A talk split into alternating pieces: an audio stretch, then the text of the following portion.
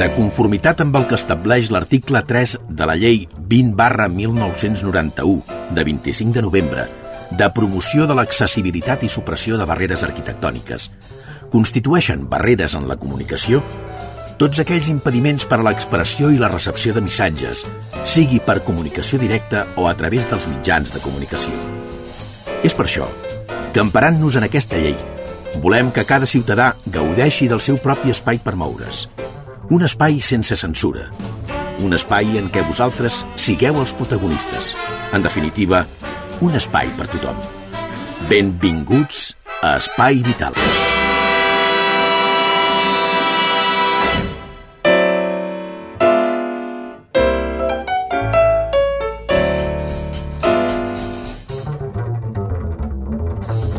Senyores, senyors, què tal, com estan? Benvinguts, ben trobats a la sintonia d'Espai Vital. Teresa Diviu, la nostra cuinera adaptada, que ja ens acompanya. Bon dia. Bon dia a tothom. Eh, tenim el poeta Coix, que avui l'escoltarem amb un poema exclusiu dels seus, i el Jordi Puy, el control tècnic, i un servidor, el Xavi Casas. Comencem.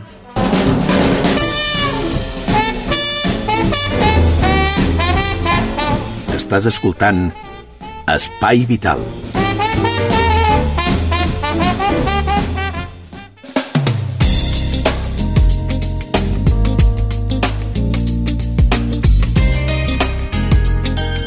Avui a l'Espai Vital volem parlar d'una associació. Treballa amb gossos, fan cursos per ensenyament d'aquests gossos d'assistència.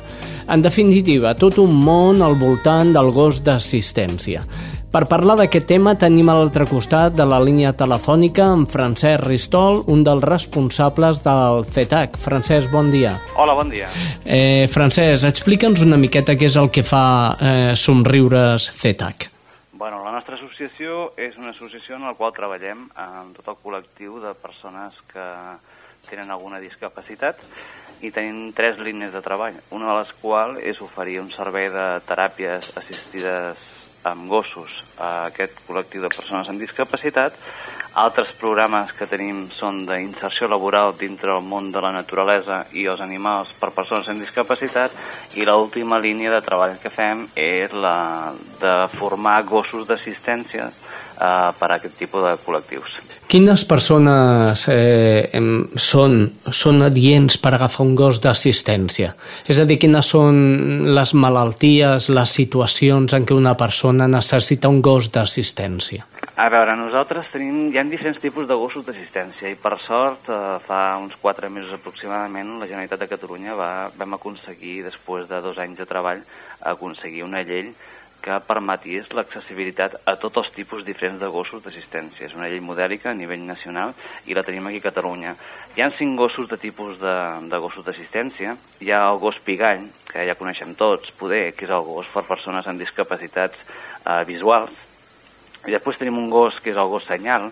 El gos senyal és per persones amb discapacitat auditiva, que bàsicament el que fa és reconèixer tot tipus de fonts sonores, de, de, de sons, reconèixer-los a l'usuari i avisar-lo què és el que està fent eh, el so, no? És a dir, pot reconèixer pues, les portes, el timbre de la porta, pues, el microones, l'alarma... bueno, mil coses que li podem ensenyar. Aquest seria el gos senyal. Després tenim el gos de servei. El gos de servei és un gos eh, dedicat a persones amb discapacitat física. Va? Normalment són usuaris de, de, de gent que necessita pues, fer ús de la cadira de roda, tant sigui manual o elèctrica, o també de les crosses. No? Llavors aquest gos el que fa és ofereix una sèrie d'habilitats, com pot ser eh, recollir qualsevol cosa del terra, qualsevol cosa que, que l'usuari necessiti que li porti, ajudar-lo a desvestir, bueno, mil habilitats que els, els nois o noies necessiten. Després tenim el gos eh, d'avís. El gos d'avís és, un gos, és una línia nova de treball que estem treballant, en el qual ja hem entregat un gos aquí a Catalunya, que nosaltres ens centrem en el gos d'alerta eh, mèdica per nens i nenes amb atacs d'epilèpsia. Llavors és un gos el que fa és detectar l'atac abans de que previndre l'atac, és a dir, abans de que vingui l'atac avisa la família, en aquest cas a la mare, normalment, i llavors pues, poden predisposar una miqueta més la situació. I així pot atendre durant l'atac d'una forma més controlada l'atac d'epilèpsia l'atac d'epilèpsia que arriba al nen o la nena.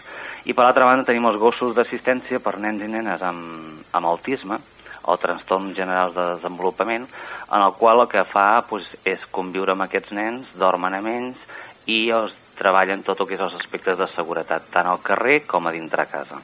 Aquests Molt... serien els cinc tipus diferents de gossos de servei, de gossos d'assistència que hi ha al mercat. Molt bé. Qui, quines races potser són les millors per, per fer aquesta tasca? A veure, no estem parlant quasi, quasi de races, és a dir, nosaltres treballem amb individus eh, que totes les races poden ser, jo crec que, interessants. Eh, sí que descartem totes les races que estan catalogades dintre la, la llei de gossos perillosos, no? hi ha un llistat de races en els quals aquest ja per llei no els treballem, no? i llavors treballem a individus de les altres races que ens queden. Uh, són gossos que podem, es poden, poden vindre de línies de cria o que podem recuperar de protectores o de centres d'acollida, sempre i quan passin, tinguin aptituds i passin una prova, però sí que de, realment hi ha dos races que ens van molt bé, uh, o barreges d'aquestes dues races, que són les races Golden Retriever i, la, i Llaurador retriever, no? Aquestes dues races tenen unes aptituds eh, d'aprenentatge molt bones i de caràcter i sí que ens donen millors resultats que poder altres individus.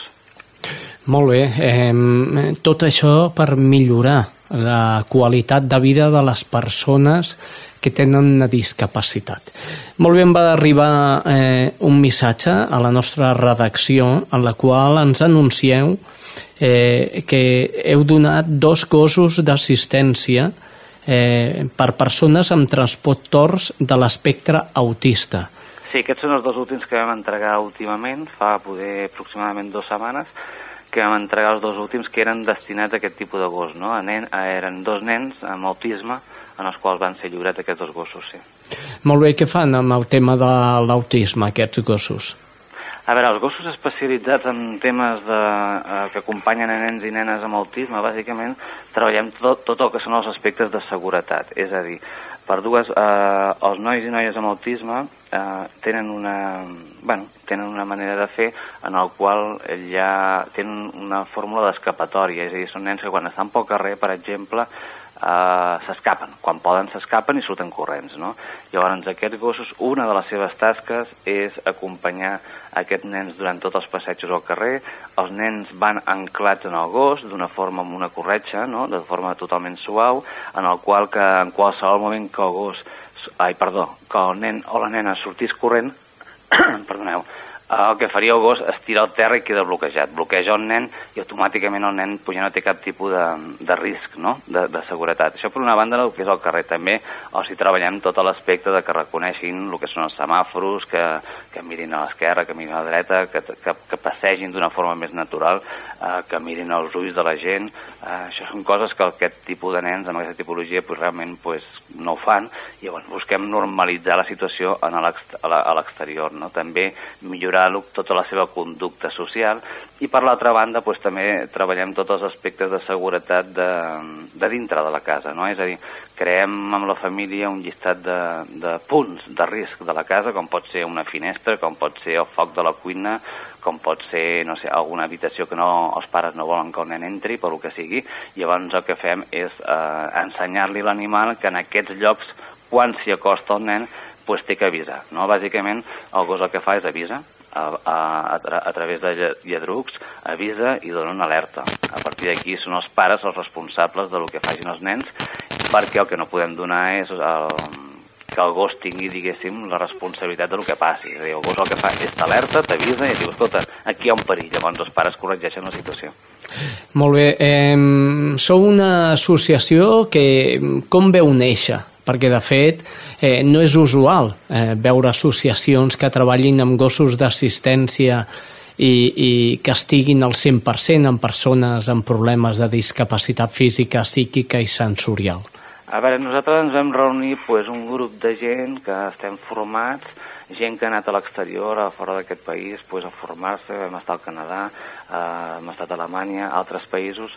Ens vam reunir simplement per a veure com podíem ajudar eh, i, que, i, perdó, i que tenim la formació per poder fer ensinistrar aquests gossos. No? Llavors ens vam reunir a veure quina sortida podíem tindre i va ser quan va néixer, pues, ara fa dos anys d'associació, arrel d'un grup d'amics que teníem aquesta formació, ha anat incluint més gent i voluntaris. A partir d'aquí vam començar a fer difusió de les activitats que podíem oferir a tots els col·lectius i gràcies bueno, pues a tothom, a socis, voluntaris, gent que ens ajuda, pues podem fer aquest servei. Jo m'agradaria remarcar que és un servei totalment gratuït, en el qual nosaltres els gossos els lliurem de forma totalment gratuïta. Evidentment busquem sponsors, busquem patrocinadors, empreses que ens ajudin, però diguéssim el cost pels usuaris és, és zero, és zero. Simplement que es fan soci de la nostra associació amb un import molt petit, de 10 euros mensuals, i és un, totalment gratuït. No? Som una entitat en la qual pues, ja hem demanat la, després de sortir la nova llei, pues, la, inscriure'ns a la Generalitat. Estem esperant el reconeixement de la Generalitat, que encara no s'ha donat cap entitat, eh, el reconeixement de la, de la nostra entitat perquè tinguin tots els nostres gossos tota l'accessibilitat pública que, que, que marca la llei. No? Francesc, eh, eh, qui pot accedir amb aquests gossos? Tingui un perfil d'usuari. Ah. És a dir, eh, la llei ens emmarca que pot accedir qualsevol persona amb un tipus de discapacitat que el tipus de gos accepti. És a dir, totes les persones que tinguin un, un certificat de discapacitat física de auditiu, visual, físic, eh, aquests podien accedir. Els que, persones que tenen diagnosticada aquest tipus de malalties també podien accedir pel gos d'alerta mèdica i a partir d'aquí, amb el certificat eh, de discapacitat, ja poden optar a fer la sol·licitud. La sol·licitud es fa a través de, de la nostra associació, hi ha un equip terapèutic de psicòlegs i terapeutes ocupacionals en els quals valoren l'usuari i realment si l'usuari pues, té la capacitat eh, de poder eh, dirigir aquest animal, pues, res, és simplement uns formularis i llavors sí, una llista d'espera en la qual eh, s'han de posar en llista d'espera i això dependrà dels gossos que van sortir en formació, que tinguin que esperar pues, dos, quatre o sis mesos perquè puguem lliurar-li un gos. Pensem que un gos d'aquestes característiques nosaltres tardem dos anys en acabar-lo, per la qual eh, no és un objecte que es compri i que el puguem comprar, sinó que estan en procés. Actualment pues, està aquest any entrant en procés de formació 10 gossos i n'hi han 3 pendents de lliurar. Molt bé, doncs Francesc Ristol, eh, t'agraïm moltíssim la teva atenció amb Espai Vital. Estaríem hores i hores parlant sobre gossos d'assistència, però la ràdio ja ho saps, el temps és or i, i ho hem de deixar aquí. Eh, Francesc, eh, moltíssima sort amb aquesta iniciativa que es va engegar ja fa anys i, i molts ànims. Doncs moltes gràcies i simplement dir-vos la nostra pàgina web que és somriurescetac.org on podeu trobar tota la informació. Doncs amb aquesta frase ens quedem, eh, somriurescetac.org. Francesc Ristol, bon dia. Bon dia.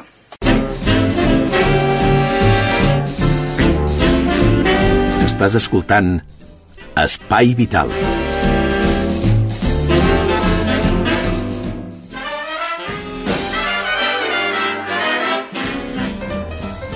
Ja ho senten, roda informativa. Anem directament cap a Ripollet. Allà es troba la Laia Prats. Bon dia. Hola, Xavi. Avui des de Ripollet expliquem que el Centre Cultural acull fins al proper dia 18 de febrer la mostra Tabac i falsos mites, organitzada per l'Associació Catalunya contra el Càncer. Amb l'exposició es vol conscienciar als ciutadans dels grans problemes que comporta el tabaquisme i quins mètodes es troben a l'abast per tal de combatir-lo. En aquesta línia es va dur a terme aquesta setmana una conferència sota el títol És possible deixar de fumar? a càrrec del doctor Jacob Sallarès, especialista en pneumologia de l'Hospital Clínic de Barcelona. I això és tot, fins la setmana vinent. Molt bé, heu de deixar de fumar, eh? Tu, Teresa, deixa de no, fumar. No, eh? jo no he fumat mai. No. Hi havia un xiste que deia... Eh, bé, després te l'explico. Anem cap a, ràpidament a Barberà. Allà es troba la Judit González. Benvinguda. Salutacions des de Ràdio Barberà. El passat dimarts 8 de febrer, la sala Salvador Allende de la Biblioteca Esteve Pelutier va aplegar una trentena de persones interessades a la nova sessió de l'Aula de Coneixements per la Gent Gran. En aquesta ocasió, el ponent va ser el catedràtic de psicopatologia del Departament de Psicologia Clínica i de la Salut de la Universitat Autònoma de Barcelona, Jordi Ubiols. La conferència titulada La depressió, entitat clínica o malaltia comuna va tractar la depressió com un concepte complex que inclou des d'estats de desànim comuns i transitoris fins a malalties cerebrals que ocasionen estats de patiment molt greus. D'aquesta manera es van aclarir alguns dubtes i idees que molt sovint són malentesos per una gran part de la població. Des de Barberà és tot. Fins la setmana vinent. Gràcies, Barberà. I anem ràpidament cap a Montcada. A Montcada, allà es troba la... Laura Prat. Qui? Laura Prat. Corre. Està, està amb tota aquesta dona, eh? Laura Prat? Doncs va. Laura Ah, la- Grau. Laura. Laura, Laura Grau. Eh? Eh. Des de Montcada ens porta la crònica Laura Grau. Escoltem-la. Hola, salutacions des de Montcada a l'Espai Vital. El Departament Municipal de Serveis Socials ha elaborat un protocol per tal d'optimitzar els recursos que es destinen a la teleassistència pública domiciliària, donat que la Diputació de Barcelona ha limitat el nombre de places. La regidora de Serveis Socials, Mari Carmen González, ha manifestat que els recursos que l'Ajuntament rep de fora s'estan reduint i que, com hi ha llista d'espera, s'han d'establir criteris per atorgar les places de què dis- disposa a les persones que més ho necessiten. Per tal de ser el més just possible, s'ha establert que a partir d'ara, per rebre la teleassistència, la persona ha de tenir més de 80 anys, viure sola o bé amb una altra persona afectada per una patologia severa, acreditar que es pateix una malaltia cardiovascular, respiratòria, traumatològica, neurològica o diabetis, tenir uns ingressos familiars inferiors a 1.065 euros mensuals i patir aïllament social. A més, els interessats hauran d'estar empadronats a Montcada i Reixac, disposar de línia telefònica i tenir capacitat mental i cognitiva suficient per poder usar el telèfon correctament.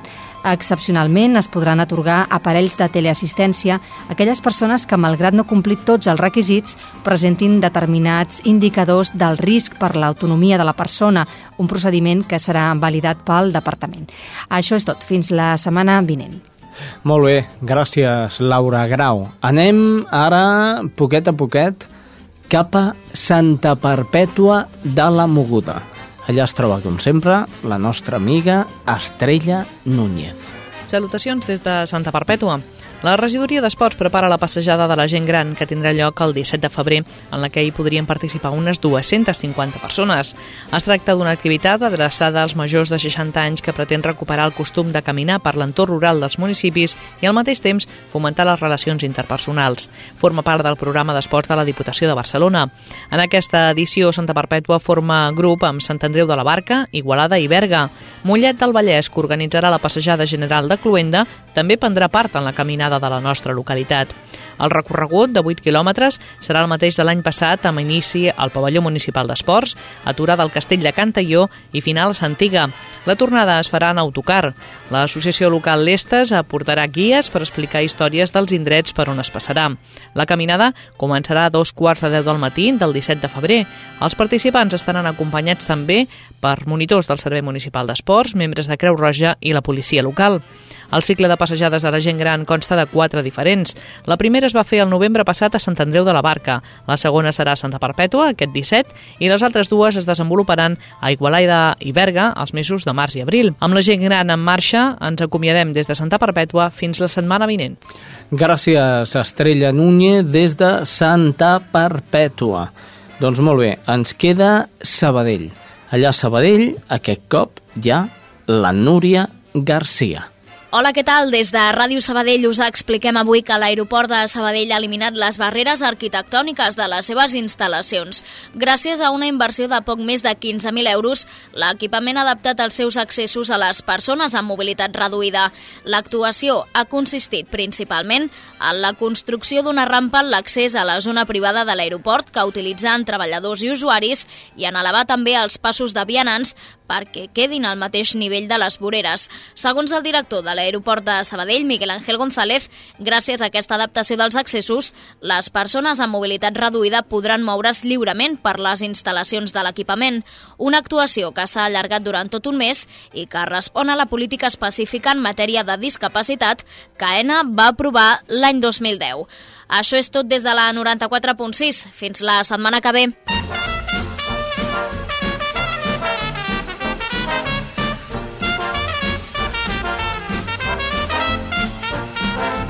Espai Vital.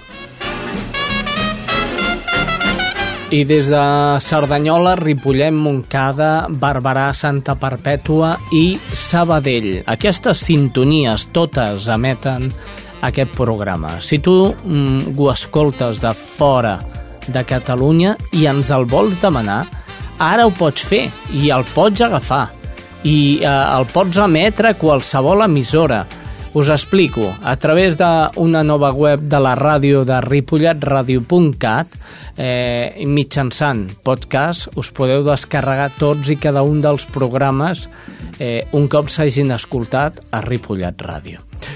Molt bé, doncs... No em tenies que explicar alguna cosa. Explicar? Què t'havia d'explicar jo? Ah, jo què sé. Ah, ja, pues... ah, no, no m'estaves explicant un xiste, home. Ah, el xiste. ah, sí, dona, sí. Eh, eh, sí, fem una cosa, des després te l'explico. Molt bé, anem a, al Poeta Coix, l'espai del Jordi Condal, que ens acosta cada dia més la literatura poètica a aquest programa. Escolteu-lo perquè és un poema força interessant, com tots.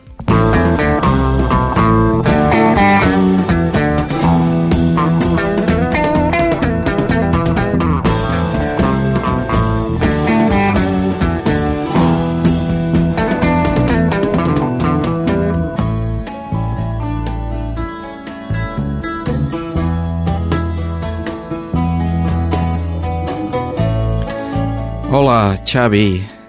Hola, companys i amics d'Espai Vital. Avui eh, anirem a un clàssic, un autèntic clàssic català, Jacint Verdaguer, un home de final del segle XIX, un capellà eh, acusat de moltes coses, un capellà que va fer exorcismes, un gran escriptor, el nostre gran escriptor del XIX, segurament, un gran poeta del XIX, un home que va ser acusat per la jerarquia eclesiàstica de narcisista, un home que va patir molt, el van tenir exiliat al Montseny una temporada i que va fer un gran esforç per renovar i revitalitzar la poesia que en aquella època era una cosa molt encarcarada, una cosa doncs de de persones eh, acadèmiques eh, que feien una mica de pudor de naftalina.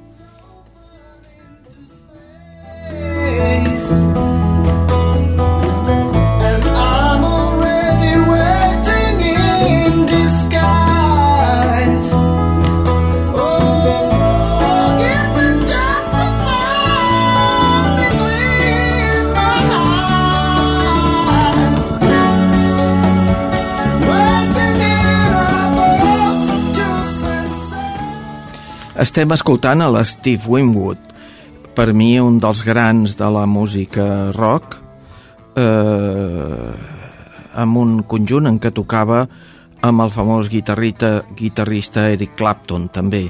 Eh, es deien Blind Faith, eh, fer cega.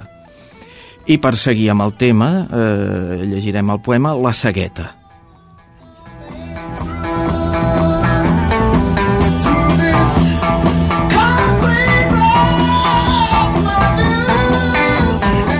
N'és ben plantada, n'és bonicoia, na Margarida de Vall de Neu.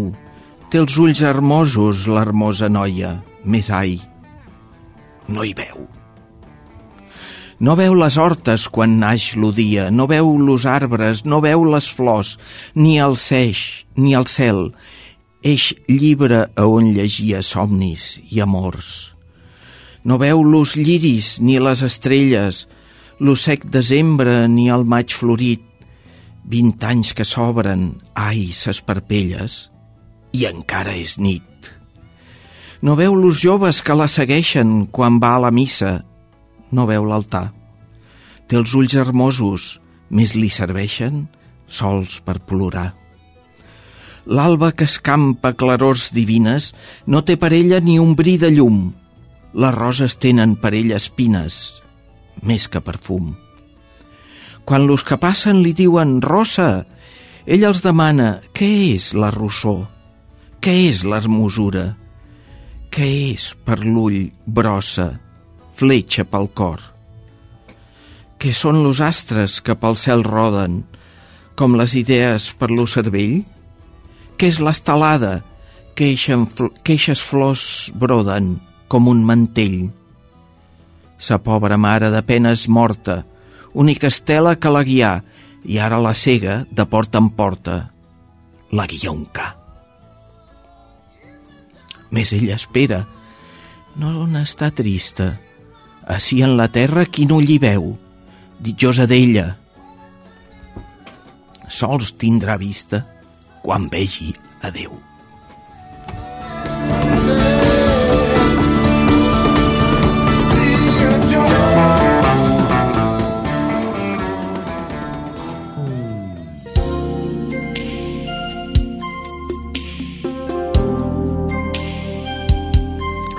Doncs veritablement un, un poema del Jordi Condal que ens toca la fibra sensible. Molt bé, com fibra sensible ens toca cada setmana, setmana rere setmana, que escoltem eh, el capítol de Desaparecida, una vida rota por la sensibilidad química múltiple. La seva protagonista és Eva Cavaller, una noia amb sensibilitat química múltiple.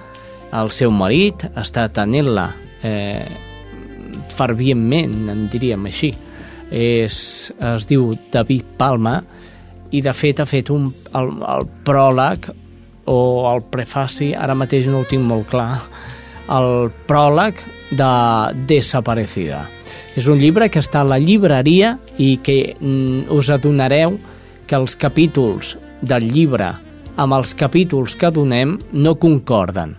Per què? Això és per la millor escolta dels capítols radiofònics. Molt bé, doncs, eh, callem ja i escoltem Desaparecida. A continuación les ofrecemos Desaparecida, un libro sobre la sensibilidad química múltiple. Desaparecida, un libro de Eva Caballé escrito en primera persona y llevado a la radio de la voz de Luisa Blanca con la producción de Spy Vital.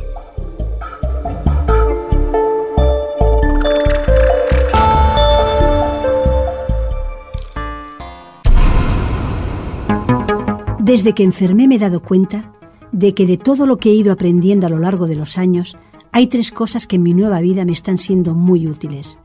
El inglés, los conocimientos informáticos y la gimnasia. Gracias a esto, puedo buscar información, comunicarme con las personas y mantener mi cuerpo en la mejor forma posible a pesar del encierro. También me he dado cuenta de que mentalmente soy fuerte por todo lo que he vivido y esto me da más herramientas para afrontar lo que me espera. En esta sociedad estos temas se esconden. Se supone que la enfermedad va asociada a la vejez y aún eso quieren disimular. Cuando nos inundan de publicidad con supuestos abuelos felices y viajando. Nadie muestra que en los hospitales hay niños que mueren de cáncer. Nadie te prepara para tener una enfermedad crónica que te deja muerto en vida y que te roba todos tus sueños. Somos la cara que esta sociedad desnaturalizada quiere ocultar para que la gente siga consumiendo y haciendo girar la rueda de la economía, para que nadie sepa que un día tu vida tal y como la conocías se puede esfumar, y que nadie te va a ayudar a reconstruir de las cenizas una vida nueva. No hay casi ningún centro público que diagnostique esta enfermedad, y si esperas algún tratamiento, lo único que te dan es la controvertida terapia cognitiva conductual, equiparando la sensibilidad química múltiple a una fobia en vez de investigar el caso particular del enfermo para ayudar a mejorar su calidad de vida, te envían a terapia para que te adaptes a la situación. Evidentemente a la Administración le sale más barato reunirnos en grupos y que una psicóloga que ni cree en nuestra enfermedad, ya que va cargada de perfume cuando te visita, haga una terapia como si la reacción de tu cuerpo ante una sustancia química fuera una reacción psicológica. Cuando sube de que iba, me negué a hacerla. Mi cuerpo reacciona a los tóxicos y se debe respetar.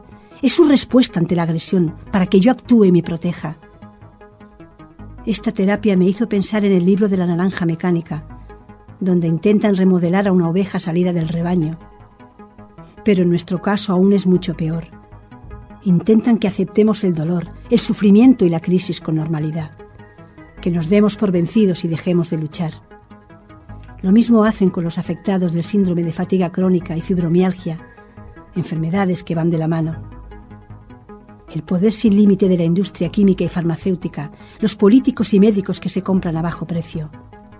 Todo esto lo pagamos los enfermos, pues quieren convencernos de que lo nuestro no tiene solución y que nos debemos acostumbrar. La solución pasa por la investigación, por el examen exhaustivo e individualizado de los pacientes y, sobre todo, por la equiparación de estas enfermedades a otras que también son crónicas, para no dejar a los enfermos, además de desolados por un diagnóstico tan duro, desamparados. No nos pueden robar nuestro derecho a mejorar. No entiendo cómo nuestra sanidad pública puede dar cobertura a los enfermos de cáncer de pulmón, que son fumadores, a los afectados de cáncer de piel que utilizan las cabinas de rayos UVA o toman el sol sin precaución y pueden dejar abandonado a nuestro colectivo cuando nosotros no teníamos en nuestras manos el poder de no enfermar, ya que la etiqueta de los suavizantes de ropa o de los tóxicos no pone atención este producto es tóxico y se irá acumulando en su cuerpo hasta causarle sensibilidad química múltiple.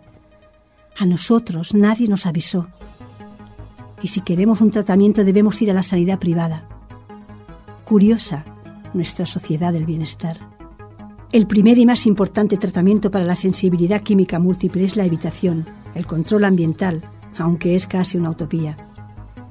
Consiste en evitar la exposición a toda sustancia química, lo cual es complicado, carísimo y casi imposible.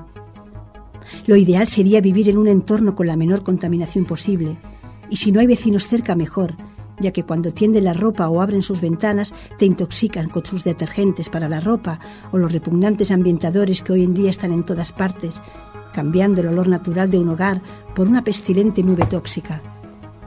Además, los materiales de construcción también deberían ser no tóxicos. En mi caso, esto por ahora es imposible. Debo estar en Barcelona y cerca de mis padres porque no soy autosuficiente y necesito su ayuda para todo. Pero más adelante, cuando mi salud se estabilice, queremos buscar un lugar libre de tóxicos para que pueda mejorar mi calidad de vida. Pero llegado el momento, ¿cuál sería ese lugar limpio soñado? No existe, porque el Estado adopta la postura de negar nuestra existencia y, por lo tanto, no se preocupa de crear zonas medioambientales limpias, con viviendas seguras para nosotros, donde podamos llevar a cabo la máxima, evitar toda exposición a mínimas concentraciones de productos químicos ambientales. Lógicamente, la evitación también se aplica dentro de tu propia vivienda. Se trata de limpiar el ambiente de tu casa para que sea un lugar seguro donde tu cuerpo no se intoxique. Nosotros ya habíamos hecho muchísimos cambios antes de tener el diagnóstico, ya que no tenía otra opción que irme adaptando para sobrevivir. Ya habíamos ido cambiando los productos de higiene y limpieza, la ropa, pero aún faltaba lo más costoso. Los muebles de madera me ahogaban y no podía ni acercarme al sofá. Primero dimos los nuestros a una entidad benéfica y cuando pudimos compramos unos nuevos. También nos deshicimos de lo que no me convenía. Nos protegimos de los campos electromagnéticos y todo lo que ya no podíamos utilizar, como libros, discos o el equipo de música, y lo dimos a nuestras familias para que nos lo guardaran.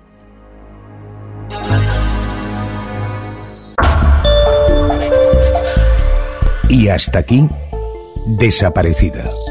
Un libro sobre la sensibilidad química múltiple. Desaparecida. Un libro de Eva Caballé escrito en primera persona y llevado a la radio de la voz de Luisa Blanca con la producción de Spy Vital. Desaparecida. Un libro de la editorial El Viejo Topo.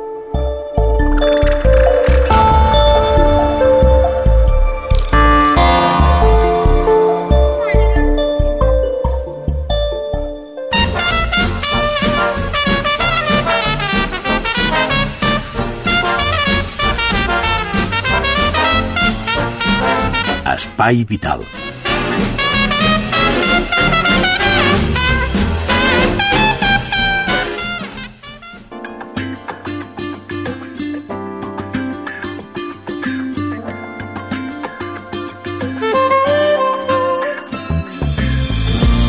Ara, Espai Vital, volem parlar d'un dret que és per tothom, el dret a votar de manera secreta.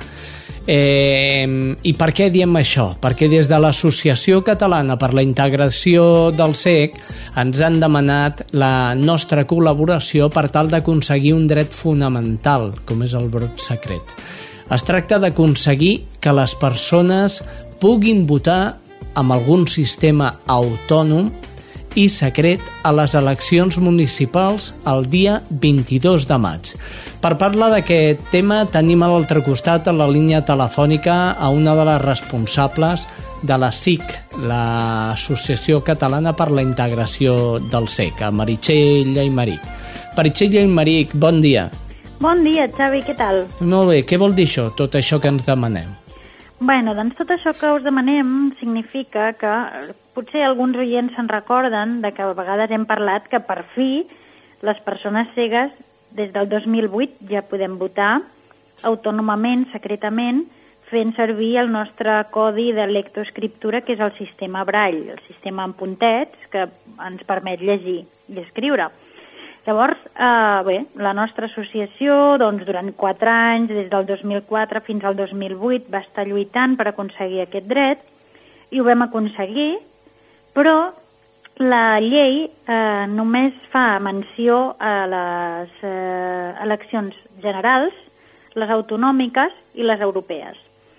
Eh, llavors, eh, el problema que tenim és que les eleccions municipals, que són les que tots doncs, eh, tenim més a prop, no?, els nostres ajuntaments, doncs eh, no podrem votar amb aquest sistema ni amb cap altre. Sempre doncs, ens haurà d'ajudar una altra persona, és a dir, que tirem enrere, diguéssim, un dret que havíem aconseguit, mm. doncs per les eleccions municipals ens trobarem que el proper dia 22 de maig haurem d'anar doncs, amb algú que ens escolli la papereta i que ens ajudi a votar. Aquesta és la reivindicació. La reivindicació que suposo ve acompanyat d'accions que l'Associació Catalana per la Integració del SEC està duent a terme, com per Exactament, exemple... Exactament, Xavi, perquè clar, uh, jo no sé si el govern devia pensar que ens quedaríem tan tranquil·lets i quietets i tal, però bueno, no, no serà el cas.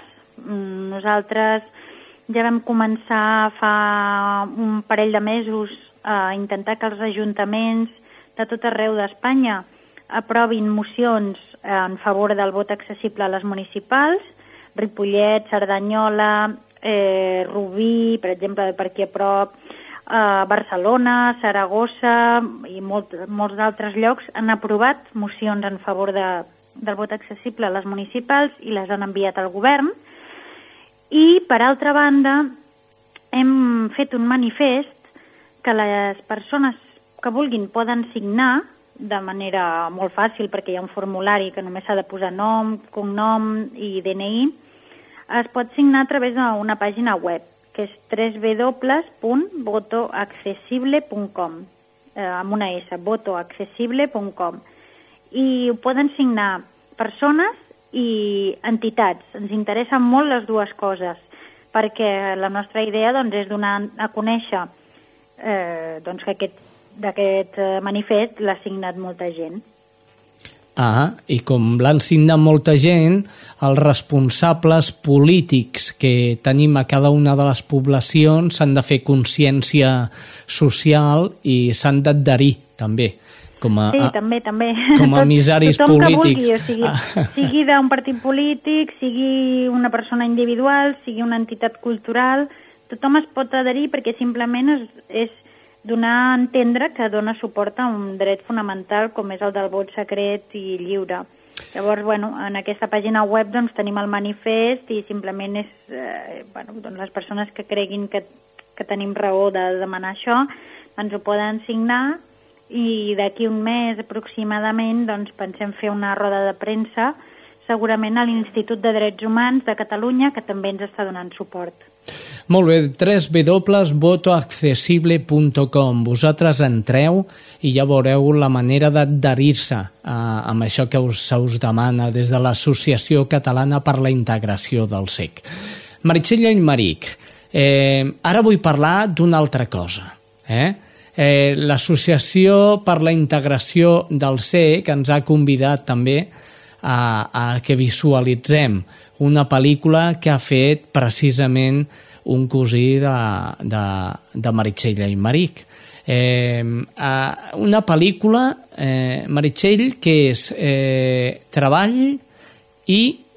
És, es diu feina i ceguesa, igualtat d'oportunitats, Ahà. com a pregunta, diguéssim, Sí, no? sí. I és un documental que dura 45 minuts Mhm. i que es presentarà el dia 19 de febrer a Barcelona, tot i que després l'anirem movent per diferents poblacions que, que vulguin.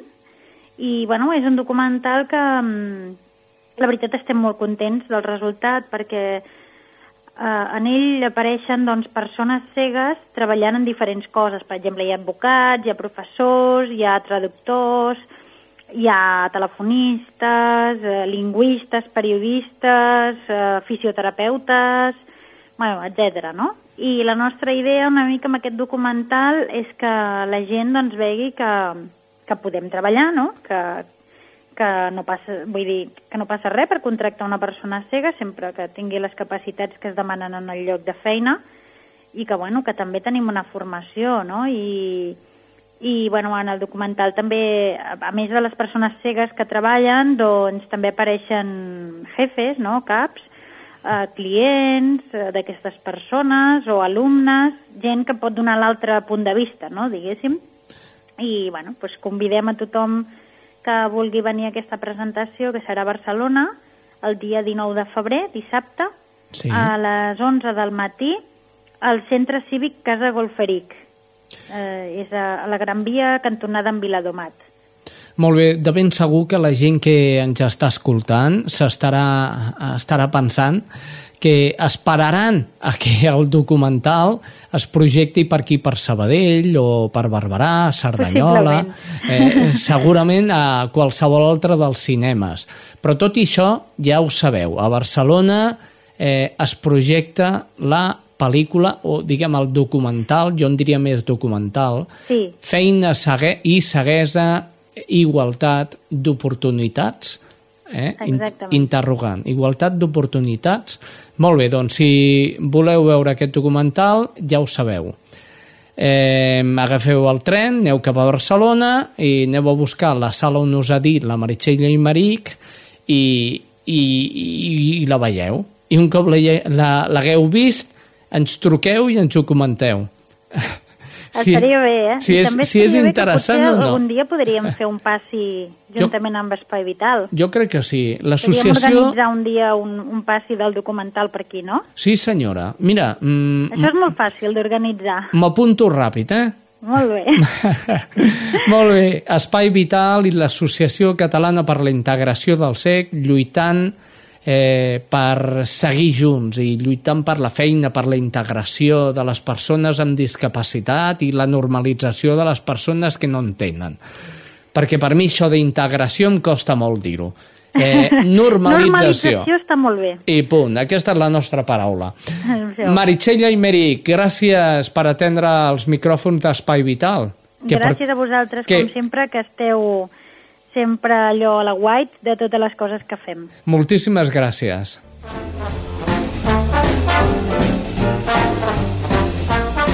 Això és Espai Vital. Sí, senyors, Espai Vital, que ara el que vol és dinar. Sí, dinar. Teresa, bon Hola, dia. bon dia. Un altre cop, eh, dels 30 cops. Per cert, després ja t'explicaré el xiste. Sí, bueno, bueno, ja, ja, ja acabarem. És, és bo, eh? Sí, sí. T'haig de dir que és molt bo, aquest xiste. Bueno, després te l'explico. Bueno. Què tenim per dinar? Avui uns fideus a la cassola adaptats. Adaptats. Molt bé, ingredients. Ingredients. Pues, Fideus. bueno, els fideus, pues un paquet per si de fideus del número 2 per fer la cassola del 2. Mm -hmm. 250 grams de carn de, de rellumillo, de porc. Ah perquè si poso costella i els fideus mengen caralleta, a vegades es poden escanyar. I així és la manera que no s'escanyin.